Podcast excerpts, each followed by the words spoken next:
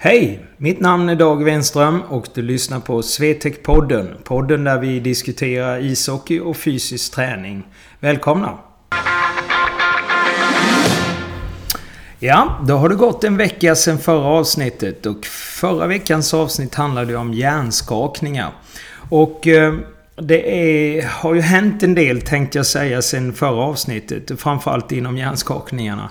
Och det är ju inte så roligt att eh, diskutera och ta upp det. Men eh, det har varit, jag har följt vissa diskussioner bland annat i Hockeyettan. Det var ju en spelare i Kristianstad Hockey bland annat som fick sluta. Det hände någon allvarlig olycka i eh, Halmstad bland annat och sådär. Så att eh, det är ju ingen rolig information och läsning som man kan göra på hemsidor och eh, även tidningar och media. Jag tycker det här är en... Eh, ja, det, är ett, det är ett problem som vi måste börja ta tag i. Och vi måste ta det mycket mer på allvar än vad vi gjort tidigare. Och som jag sa i podden tidigare så tror jag ju också att Svenska ishockeyförbundet och alla ansvariga tar ett stort ansvar. Men vi måste nog gå ytterligare ett steg och eh, vi på Swetec då kommer att köra nästa vecka på vår höstlovskamp. Eh, lite specialträning just för det här med hjärnskakningar. Hur man eh, skyddar sig bland annat vid sargen. Att man inte liksom eh, faller tillbaka med huvudet bland annat utan man trycker det åt andra hållet så att man möter krafterna på ett bättre sätt. För man vill ju inte ha huvudet in i sargen eller plexiglaset. Så eh, ja, det här är ett dilemma som vi måste ta tag i annars så blir det ännu fler hockeyspelare som tyvärr får sluta. Ja, denna veckan så tänkte jag faktiskt att vi skulle vara lite temalösa. Och surra lite grann angående ishockey och fysisk träning. Och eh, det som jag, jag har känt den här veckan som har kommit upp på tapeten igen så är det det här med hockeyspelare och hockeyföräldrar som inte förstår skillnaden i om man ska prestera i framtiden eller inte. Man tror att isen är det som är vägen till framgång. Och det är ju tyvärr inte så.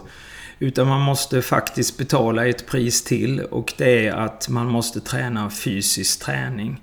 Man måste skapa de ska vi säga, motoriska enheterna så att du kan prestera och skapa just de här tekniska färdigheterna som du tränar på isen. Och det här tycker jag är det mest tråkigaste att både se och höra när man har adepter som söker upp en och vill ha hjälp och eh, de inte riktigt förstår det här. Utan att man... Eh, man vill gärna ha mina tjänster men man vill bara ha isen. Och jag tycker det är tråkigt för att innerst inne så, så vet jag ju sen mina 15-20 år tillbaka att nästan alla de spelarna tyvärr inte blir det de kanske skulle vilja bli. Så det är lite tråkigt tycker jag att man inte har den införståelsen att fysiken skapar prestationen och teknikutvecklingen. Så eh, mitt tips till er är att eh, ta hjälp utav en eh, duktig fystränare som kan programmera upp och skapa fysprogram eh, tillsammans med det som ni gör på era respektive lagträningar. För att det är ju ofta, ska vi säga, inte så professionellt upplagt utan det är lite traditionella övningar som man kan göra.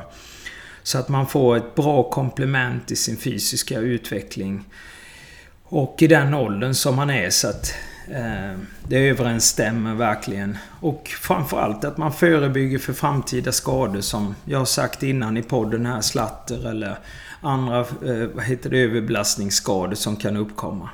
Så ta tag i det och gör det idag.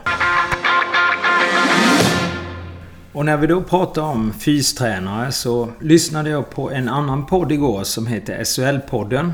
Och där gjorde man en intervju utav en kollega och en som har utbildat mig också under två år som heter Andreas Ögren.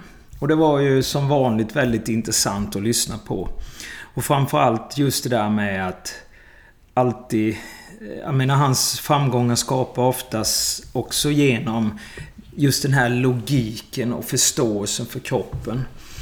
Att man förstår att kroppen liksom eh, fungerar i olika rörelseplan till exempel. Och att man inte kanske är så bunden till den här traditionella eh, kulturbärarträningen som jag brukar kalla det. Det finns alldeles för många idrottare idag som tränar så som man gjorde för 20-30 år sedan. Och framförallt så är det inte skapat efter individen. Och när man då ska skapa samma saker som man ville på den tiden till exempel, och som bland annat Andreas säger i podden. Så vill man ju, som jag också försöker träna med mina adepter, med stor hastighet hela tiden. Hastigheten skapar ju då en maximal förutsättning hela tiden. För det är oftast där man vill vara också som idrottare. Och sen då att man skapar en kropp som tar emot all belastning i alla situationer och lägen. Och det tycker jag, jag rekommenderar verkligen att ni ska lyssna på den intervjun för att eh, det är alltid lika intressant att lyssna på Andreas. Och det är så häftigt för vi är ju många som är stöpta i den eh, delen om man säger så. Inom 3D-världen bland annat och eh, ja, det finns en logik och en förståelse om hur kroppens kedjereaktion fungerar. Och ofta är det det som leder att vi får sådana framgångar som vi får med våra idrottare. För om ni tittar på oss som jobbar ungefär så som Andreas eh, säger. Så har vi ju ofta inga idrottare som är skadade. Det som jag gör när jag tränar mina adepter i den här så kallade lite modernare tanken om man säger så med tredimensionella tankar i det mesta vi gör. Så är det just att för det första så ska vi skapa att det är roligt och motiverande att gå och träna varje gång man går och tränar. Jag kommer ihåg själv när jag tränade.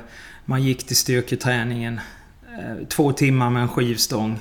Fruktansvärt tråkigt. Man ville ju bara gå därifrån. Och all verk man hade i kroppen och så vidare och så vidare. Skillnaden är som jag har skapat under de här åren. Det är att jag har delat upp det i tre delar. Jag jobbar med två delar som är väldigt intervallbetonad. Och eh, den ena delen där är konditionsbaserad. Där vi ska jobba i hög intensitet med mindre intervaller och väldigt mycket fart. Och nummer två är då längre intervaller med mer belastning och också hålla kvar intensiteten så högt upp man kan ihop med sin puls då. Och sen har jag den tredje delen där det är mer styrka. Där det går till eh, repetition ofta. Jag har ofta repetitioner där. Men belastningen är betydligt mycket tyngre.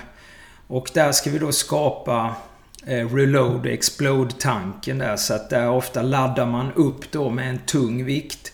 Och sen så då så exploderar man i det här. Och det gör ju att vi ska hela tiden, oavsett vilken nivå vi är, så ska vi skapa hastighet och kraft, utveckling och power. Och eh, när man tittar under åren så som jag har jobbat så, så är det ju faktiskt inte så många som har beklagat sig på skador eller problem. Jag kan inte erinra mig någon. Däremot så kan jag komma ihåg några som har kombinerat det med lite andra träningsformer och så. Och där har vi ibland kunnat stöta på lite problem på grund av att de har jobbat med så mycket isolerad träning. Så att muskelstrukturerna, eh, ska vi säga, blev väldigt mycket eh, stelare. Och det gör att när man kommer in i den här ska vi säga, flexibla träningsformen så kan det ibland stöta på lite problem. Men det har vi fått fixa till med ökad rörlighetsträning istället. Och då brukar det ofta lossna och eh, problematiken brukar gå till det positiva hållet.